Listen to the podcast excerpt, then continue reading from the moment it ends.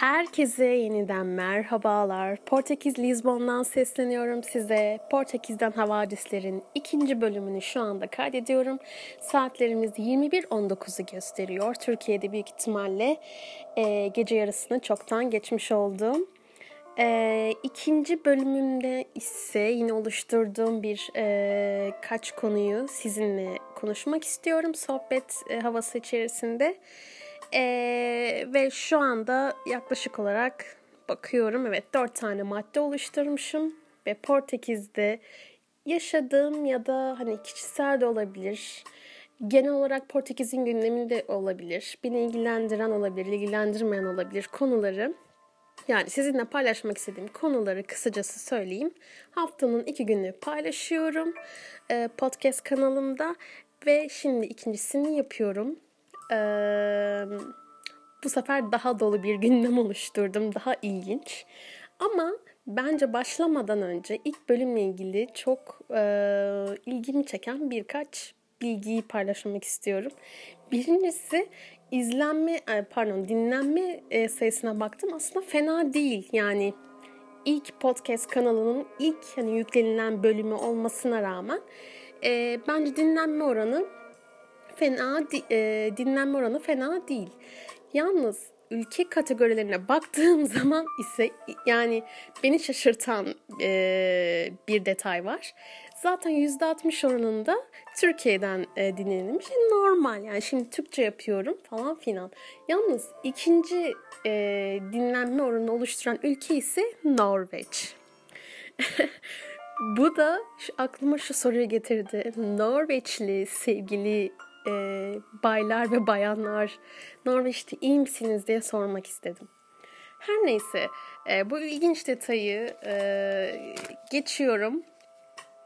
E, hemen maddelerimi sizinle paylaşmak istiyorum bugünün gündemini. Birincisi e, şu soruyu cevaplamak istiyorum. Türkiye'deki gündem burada nasıl karşılanıyor? E, nasıl tepkiler alıyorum? E, tabii ki bu maddeyi koymamın nedeni tabii ki de e, birkaç gün öncesinde yaşanılan e, durumla ilgili e, olarak bu maddeyi koymak istedim. Tabii ki hani bu sadece ilk defa değil. E, yaklaşık olarak tabii ki 4 senedir Lisbon'da olduğum için 4, son 4 sene içerisinde de bayağı üzücü şeyler oldu. E, Türkiye ile ilgili. E, tabii ki yani o zamandan bu zamana kadar çok değişik hani ben e, tepkiler aldım ya da ilginç sorular aldım diyebilirim. Çünkü gerçekten hani genel olarak baktığın zaman Türkiye'de hani dünya gündeminin mutlaka bir merkezinde oturuyor yılda 2-3 kez. E, keşke yani iyi konularda gündeme otursaydı ama genellikle hep üzücü konular oluyor ve bu da beni tabii ki de e, yurt dışında yalnız başıma yaşadığımdan dolayı tabii ki beni acayip e, demotive ediyor. İkinci konu ise şirket ağzı. Şirket ağzı hani tabii ki mecazi anlamda yazdım yani hani şirket ağzı derken bu e, şu anda bulunduğum şirketle ilgili birkaç e, deneyimi paylaşmak istiyorum. Üçüncüsü ise e, Portekiz yani Portekiz'e taşındığımdan beri en böyle en nefret ettiğim ya böyle hiç iletişim kurmak istemediğim bir e, bir hizmet alanı var. Bu hizmet alanının ismi müşteri hizmetleri. yani şöyle yazdım müşteri hizmetleri desteksizliği. Çünkü e, genel anlamda müşteri hizmetleri ya da müşteri hizmetleri kurumları inanılmaz derecede başarısız e, inanılmaz derecede size yardımcı olmuyor ve e, çok anım var bu konuyla ilgili. Ama tabii ki en son başıma gelen bir e, olayı paylaşmak istedim. O da sevgili Uber Eats'le. E, bilmiyorum Türkiye'de var mı yok mu henüz başladınız. Sanırım olması lazım ama emin değilim. Dördüncüsü ise zevkli bir konu benim için. E, grafiti cahilliğim diye verdim. Çünkü dün gittiğim e, bir sanat galerisinde e, yani şöyle söyleyeyim sanat galerisinin çok e, ünlü bir Portekiz grafiti artistinin e, yaptığını, kurduğunu e, bilmiyordum. E, halbuki bu sanat galerisi gerçekten hani bil, yani orta derecede bilinen bir e, galeri ve Lisbon e, şehrinden biraz daha uzaklıkta e, bir yerde yer alıyor. Daha böyle endüstriyel e, bir alanda yer alıyor ve sayfasını falan takip ediyordum. Ee, işte hangi sergiler öyle olduğunu takip ediyordum. Fakat hani detaylı bir bilgim yoktu ve Portekiz'de bir arkadaşım dün beni götürdü sağ olsun. Ee, ve bana bir sürü bilgi verdi zaten. Ee, yani çok üretken bir gündü. Dün de bugün de gerçekten hafta sonum dop dolu geçti diyebilirim. Ee, şimdi lafı yani daha fazla detaylandırmadan çünkü detaylı olarak konulardan vermek istiyorum. Birincisi Türkiye'deki gündem spesifik anlamda Portekiz'de benim yaşadığım alanda nasıl algılanıyor ya da ben nasıl tepkiler alıyorum. Ee, şimdi tabii ki son 4-1 yıla bakın. Son 4-1 yılda e, şu soruyu sorun mesela. Türkiye ne zaman hani süper bir hani mutluluk verici, e, hani inanılmaz böyle bizleri sevindirici bir olayla gündemin merkezine oturdu. Ben hatırlamıyorum. Hatırlayan var mı? Ben hatırlamıyorum. Genellikle e, yani Portekiz'de zaten hani bir sürü milletten birkaç kişiyle hani konuşuyorum. Onlar tabii ki merak ediyor. Ama genel anlamda tabii ki onlar da çok fazla detaylı bir bilgiye sahip değil. Hani Türkiye siyasetinde neler oluyor falan filan. Ama genel olarak bildikleri tek bir şey var. Türkiye'nin dış politikası neden bu kadar kötü diye merak ediyorlar. E tabii ki sadece onlar merak etmiyor yani bizler de merak ediyoruz. Çünkü e, özellikle yurt dışında yaşayan Türkler için de biliyorsunuz yani dış politikadaki olaylar tabii ki bizi de etkiliyor yurt dışında yaşayan. Yurt dışında yaşayan Türkiye göçmenleri falan demek istemiyorum. Zaten yani beyin göçü yeterince oldu Türkiye'den ve hani e, bir sürü farklı insan var Türkiye'den yurt dışında yaşayan. Yani dolayısıyla hani e, tek bir şekilde kategoriye koymak istemiyorum. Ama genel olarak evet bizler Türkiye'nin kötü dış politikasından bir şekilde etkileniyoruz ve sadece bu bürokratik e, anlamda değil aynı zamanda ise ruh sağlığımızı da etkiliyor. Çünkü hem uzaktayız, e, yani sevdiklerimiz orada, ailelerimiz, arkadaşlarımız orada, orada ve orada olan herhangi bir şeyle tabii ki de e, yani ben öyle düşünüyorum, bilmiyorum. Beni beni çok etkiliyor gerçekten. Yani yurt dışında yaşayan bir e, birçok e, türkü de etkileyebileceğini yani etkilediğini düşünüyorum. Yani dediğim gibi sadece e, bürokratik anlamda değil ama e, ruhsal anlamda da etkiliyor. Orada yaşa yani orada e, arkada bıraktığımız çünkü sevdiklerimiz genellikle orada yani orası hani orası da evimiz diyeceğim. Çünkü burası da artık benim bir evim oldu ama hani derler ya hani ev tanımı neye göre yapılır? Benim için herhalde hani sevdiklerin neredeyse hani oradadır diye de ben düşünüyorum ve dolayısıyla da evet yani bizi de e, genel olarak hem de hem genel olarak hem de hani sevdiklerimi ve halimi düşündüğüm için de gerçekten üzüyor. Peki ben nasıl tepkiler alıyorum? Yani dediğim gibi dış politikası ile ilgili genellikle e, yani hani sormaya çalışıyorlar. Ben de işte yanıtlayabildiğim kadarıyla yanıtlıyorum. Ee, yani ilginç bir şey geçti mi diyeyim başımdan Portekiz'de. Yok yani genellikle mesela şu şu dikkatimi çekti. Okuyan kesim yani şöyle sadece kendi ülkesindeki e, haber kaynaklarını değil aynı zamanda e, dünya haberlerini takip eden insanlarla sohbetim daha farklı oluyor. Çünkü onlar genellikle zaten e, dünyadaki olayları takip ettikleri içerisinde ise ve okudukları için de çok da fazla yani çok fazla bilgiye sahip oluyorlar. Dolayısıyla ben onlara hani çok ekstra bir bilgi e, vermeye çalışmıyorum ve genellikle hatta bazen şaşırdığım zamanlar o da hani sen bunu bunu nereden biliyorsun falan filan diye.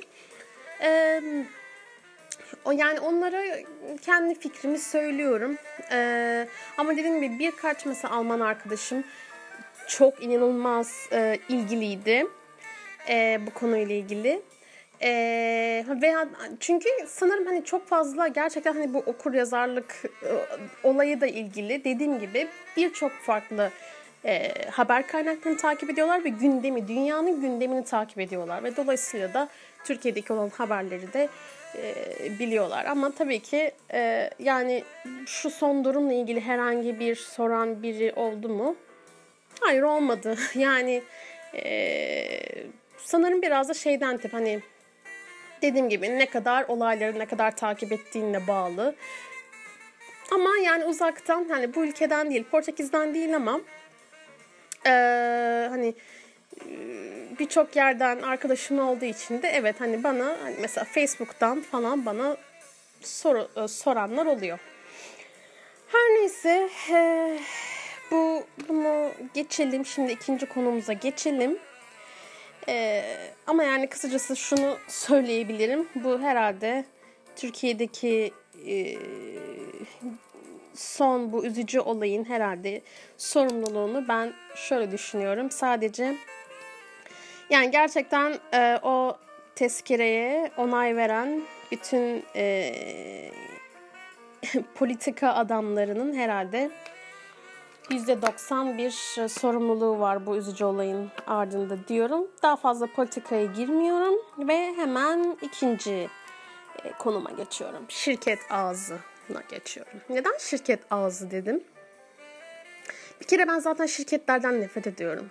Şirketlerin genel politikalarından, e, hani hani aşırı böyle e, e, kapitalist e, tutumlarından, e, politikalarından aşırı nefret ediyorum ve hani özellikle şirket içerisindeki insanların kendi aralarındaki ilişkileri de aşırı samimiyetsiz buluyorum zaten. Yani zaten bu büyük şirketlerin oyunu da genellikle bu oluyor. Peki son yaşadığım şirketle ilgili ne oldu?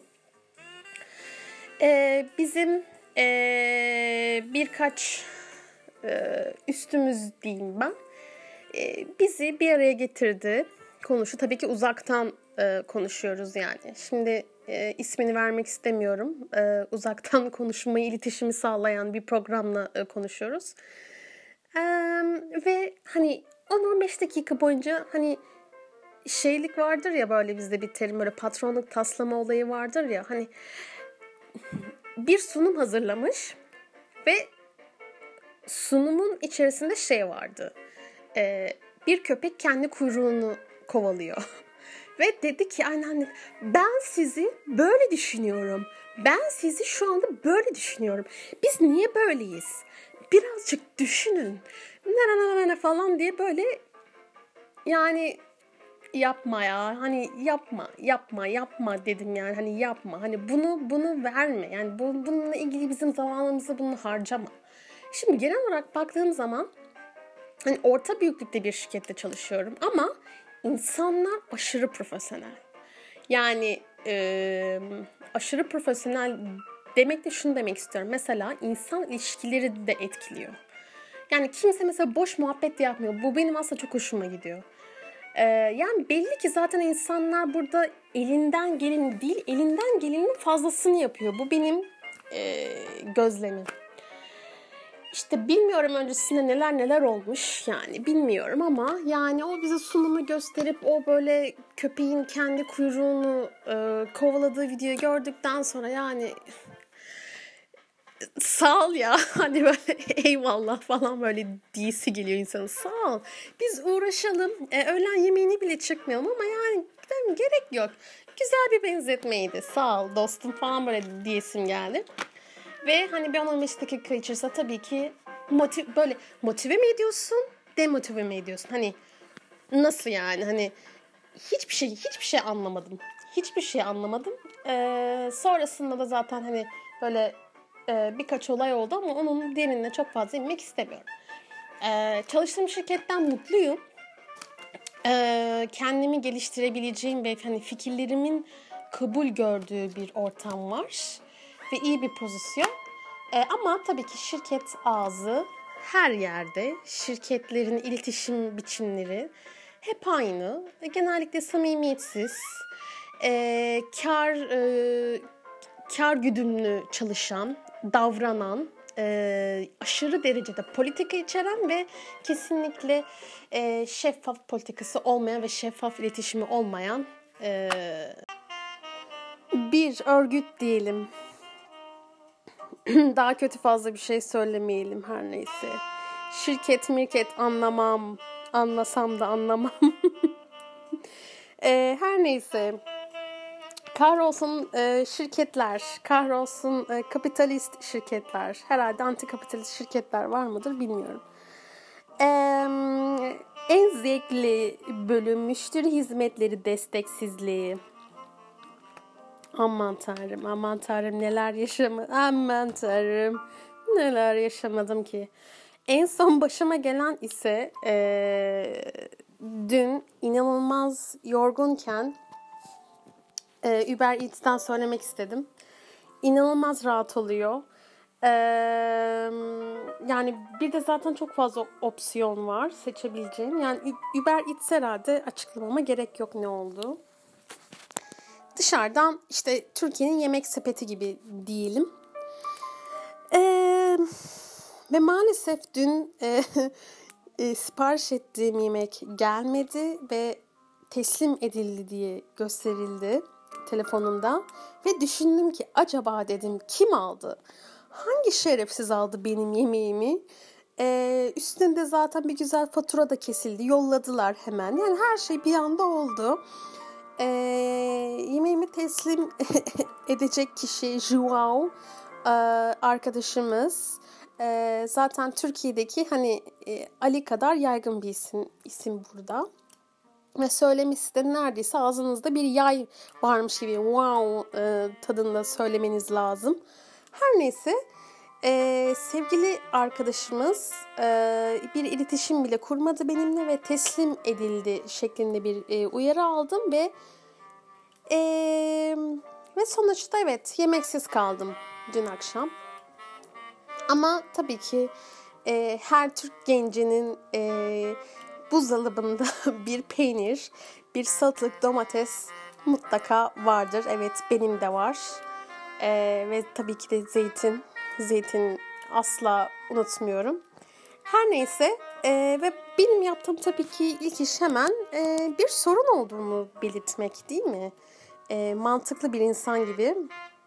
Ve sorunu bildirdim yaklaşık 10 dakika sonra bir mesaj aldım e, Portekizce. Ve dediler ki e, bir daha söyler misiniz? Bir daha söyleyin ne oldu? Başınıza ne geldi? Yani confirm eder misiniz lütfen? Dedim olan oldu zaten yani hani olan bu. Yaklaşık 10 dakika önce gelmesi gereken yemeğim gelmedi. E, ve şöyle bir mesaj yazdım zaten. Açım, sinirliyim, yorgunum ve yemek istiyorum falan diye böyle bir mesaj gönderdim. Sonra daha birçok mesaj gönderdim ve dün gece hiçbir yanıt alamadım. Ve bugün herhalde dedim hani pazar olduğundan zaten e, hiç hiçbir cevap alamayacağım ama gel gör ki reklam e-maili aldım. Teşekkürler Uber Eats. Ee, ve umarım yani yarın zaten e, bu olay çözülür. Çünkü gerçekten bu uygulamayı kapatmak istiyorum. Ee, bazen işimi görüyor. Yani hani gidip de her dakikada bir alışveriş yapman gerekmiyor. Bazen çok pratik oluyor. Özellikle yorgun olduğun zamanlarda. Dün gerçekten yorgundum. Sabah çekime gittim. Ondan sonra hiç zamanım yoktu. Sonra arkadaşımla buluştum ve açlıktan ölüyordum. Doğru düzgün bir şey yemedim söyleyeyim dedim ama e, gelmedi. Gelmedi, gelmedi, gelmedi. Müşteri hizmetleri daha neler yaşadım ama şu anda buna ayrı bir konu açmam gerekiyor. Çünkü bir sürü örnek var ve e, çok tatsız tuzsuz bir konu bu. Yani bir iletişim sorunu yani bu dil bilmemekle de aynı bir şey değil. Yani e, zaten uygulamanın hani her şey İngilizce yazıyorsun zaten her şey sordukları sorular İngilizce her şey İngilizce ve zaten hani mutlaka mutlaka müşteri hizmetlerindekiler de İngilizce biliyorlardır. Hani sorun değil, sorunu değil. Sorun ne? Bilmiyorum. Neden çözülemedi? Bana neden e, 10 dakika sonra cevap verip de e, sonrasında bana cevap vermeyi kestiler? Bilmiyorum. E, neden e, yaşadığım sorunu tekrar açıklama e, gereğini söylediler? Onu bilmiyorum. E, zaman kazanmak isteyebilirler. E, bilmiyorum. Pazar artık ya pazar oldu hani uğraşmayalım da demiş olabilirler. Bilmiyorum ama yani şaşırmıyorum artık şaşırmıyorum. Çünkü çok bunaldım. Kimseye muhtaç olmak istemiyorum burada. Hani kimseye muhtaç olmak istemiyorum gerçekten. İki sene önce bir e, buranın e, posta servisiyle bir e, münasebetim olmuştu. Ve Türkiye'den gelen bir kargom vardı ve yaklaşık olarak ben yani ilk defa Türkiye'den bir kargo alıyordum. Daha doğrusu ilk defa bir kargo alıyordum ben. Ve yaklaşık olarak bir ay sonra, iki ay sonra mı ne elime geçmişti. Evet. Yani işte gümrüktür bilmem ne de şimdi bu işleri bilmiyorum. Nasıl olduğunu bilmiyordum ve inanılmaz vakit harcadım. inanılmaz enerji harcadım. Ve ee, burada genellikle zaten bu tür işlerde olayın yerine gitmeniz gerekiyorsa zaten siz o günü iptal edin. O o gün yok. O gün yok. Yanınıza yiyecek bir şeyler alın, suyu su alın, e, atıştıracak bir şeyler alın. E, çünkü saatler harcayacaksınız. Gününüz gidiyor. Gidiyorsunuz e, işte e, biz e, Türkiye'deki PTT gibi yere bu sefer hani gümrük yeri. E, oradan bir bilet alıyorsunuz ve bakıyorsunuz ki aa önümde sadece 200 kişi var aman tanrım ne güzel bir gün olacak e, şeklinde. Oradan makineden hemen bir kahve alıyorsunuz. Ondan sonra işte kitap mı okuyorsunuz, müzik mi dinliyorsunuz, e, ne yapıyorsunuz yapıyorsunuz ve bir türlü vakit geçmiyor. Ve sorununuz da çözülmüyor. Ve size abuk sabuk sorular soruyorlar. Mesela bana şey sormuşlardı. Portekiz'de bulunma sebebiniz acaba nedir? Dedim pardon. Ee, burası hani gümrük derken burası hani sınır gümrüğü mü? Ee, burası göçmen ofisi mi? Hani excuse me? Hatta excuse mu? Hani dedim galiba demiştim ve sinirlenmiştim. Öğrenci kimliğinizi getirmeniz gerekiyor. Yok bilmem ne kartınızı getirmeniz gerekiyor. Ya önceki ondan sonraki gün gittiğimde de bana hiçbir şey sormadılar. İşim halloldu. Yani o belgeleri toplamakla vakit harcadım, enerji harcadım. Yani her kişi, her bir memur farklı bir şey biliyor. Yani inanılmaz, inanılmaz bir şey ve kafayı yiyorsunuz. Ama ben diyorum, ben Portekiz'e yerleştiğimden beri e, sabır anlamında e, inanılmaz yükseldim. İnanılmaz geliştim. İnanılmaz sabırlıyım gerçekten çok çok sabırlıyım. Yani Sezgi inanılmaz sabırlı.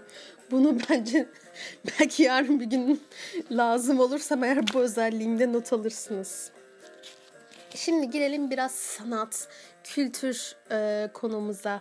Grafiti cahilliğim. Grafiti cahilliğim evet Lisbon'da her yer grafiti. Her yer grafiti ve aslında inanılmaz Portekiz'den inanılmaz derecede başarılı ve dünya çapında bilinen e, grafiti e, sanatçıları çıkıyor.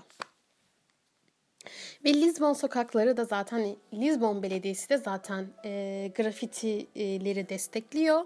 Sokak sanatlarını inanılmaz derecede destekliyor ve bu konuyla ilgili mesela grafiti turlar yapılıyor. Çünkü Lisbon'un neredeyse her e, bölümünde bir semtinde farklı türde grafitiler var. Ama sokak sanatını desteklemesine hayranım. Bir numarasın, bir numarasın gerçekten.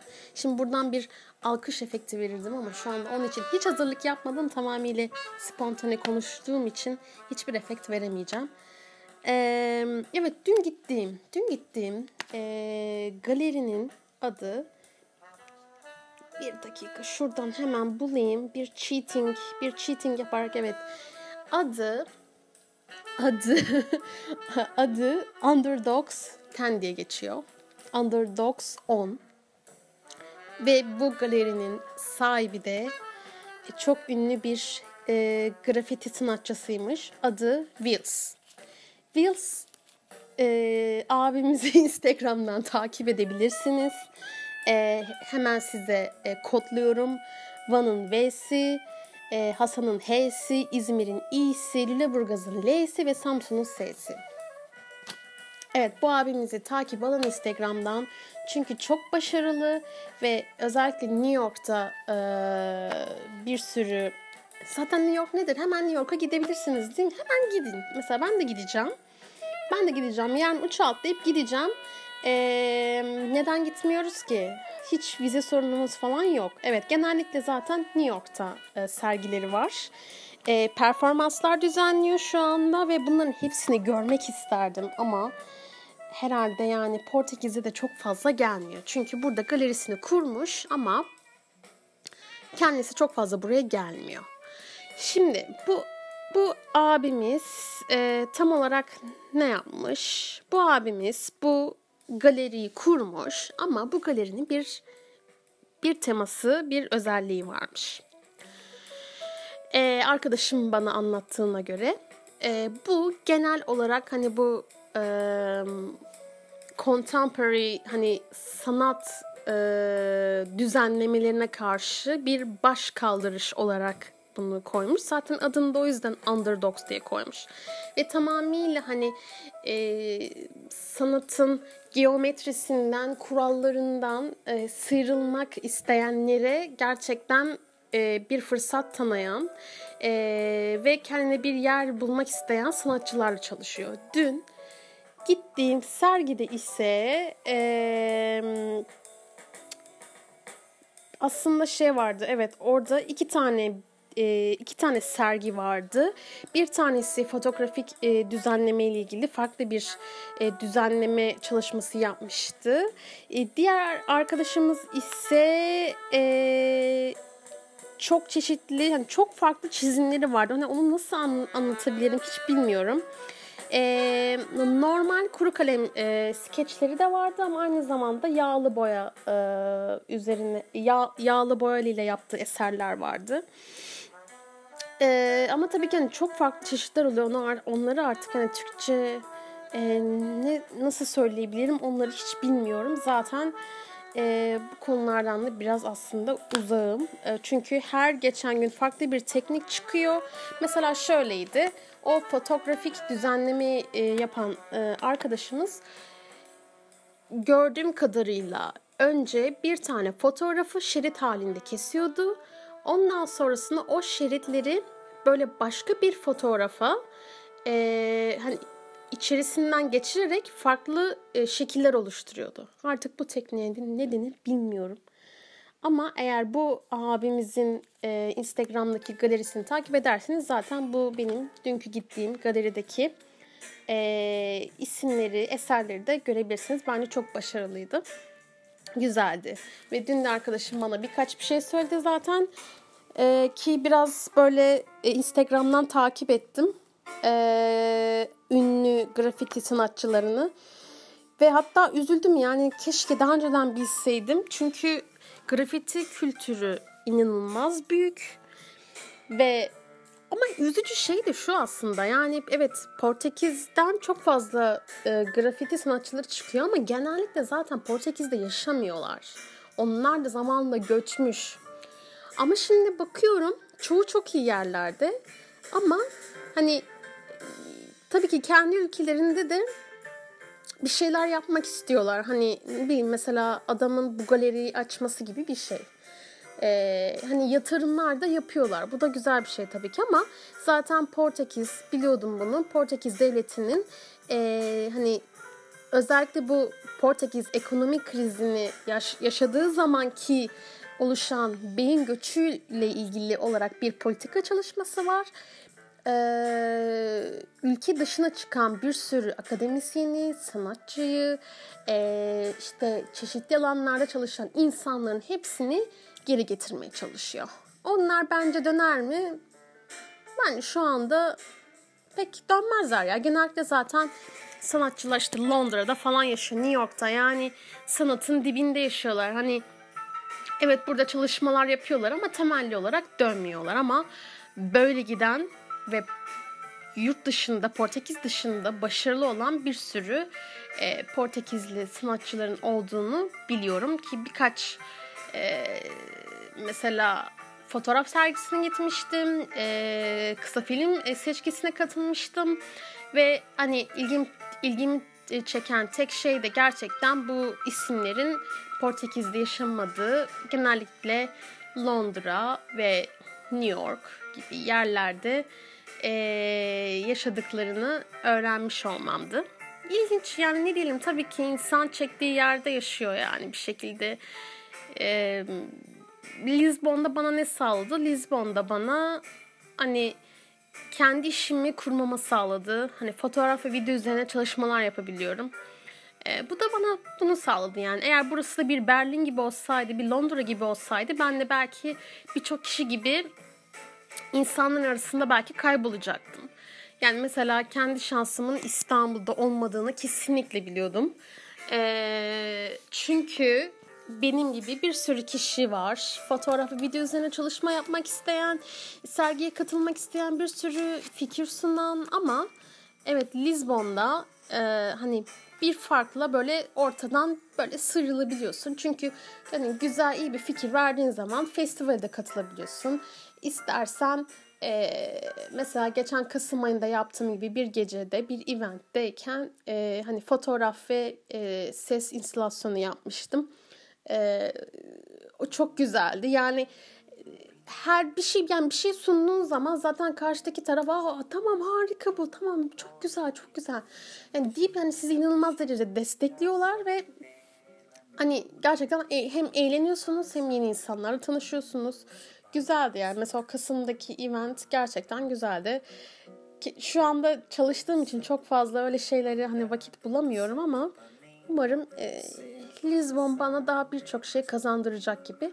Lisbon'un zaten en sevdiğim özelliği bu. Bence ben %90 bu yüzden buradayım. Bu kültürel ve sanatsal e, alanı, çevresi inanılmaz geniş olduğu için ve e, hani e, kreatif, bu yaratıcı işlerle çalışan insanlara hakikaten bir şans tanıyan, projeleri açık olan bir şehir, bir başkent. Bu da çok güzel bir şey. Yani bu benim için belki de ben %90 o yüzden buradayım. Yani İstanbul ya da Ankara'da kalabalıkların arasında kaybolmaktansa burada tek başıma sıyrılabiliyorum ve birden farklı işlerle uğraşabiliyorum. Bu da çok güzel bir şey gerçekten. Neyse, ee, evet herhalde bu, bu, bu vasıtayla da söylemiş oldum neden Lizbon'da olduğumu. %90 sebebi de bu oldu. Evet bunu da iyi bağladım. Ve bugünlük de e, ajandamın sonuna geldim. Portekiz'den havadisleri dinlediniz efendim. Saat şu anda 10 oldu. E, e, ben de artık yavaş yavaş uyku moduna geçeceğim. E, bunu yayına koyduktan sonra tabii ki. Bir sonraki podcast günüm çarşamba hafta ortası olacak ve o zamana kadar da yine konularımı sıralamaya devam edeceğim. Umarım eğlenirsiniz. Özellikle Norveç'e selamlar. Ee, Norveç'te günleriniz nasıl geçiyor bilmiyorum. Umarım iyisinizdir. Ee, neyse Norveç'e de selam gönderelim. Hadi kendinize iyi bakın. Hadi fazla üzülmeyin artık. Hayat devam ediyor artık.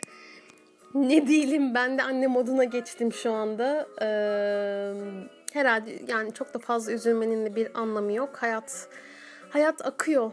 Yarın pazartesi. Yarın herkes işbaşı yapacak. Dostum yarın çalışacaksın, çalışacaksın. Hadi erken uyu da sabah erken kalk hadi. Görüşmek üzere.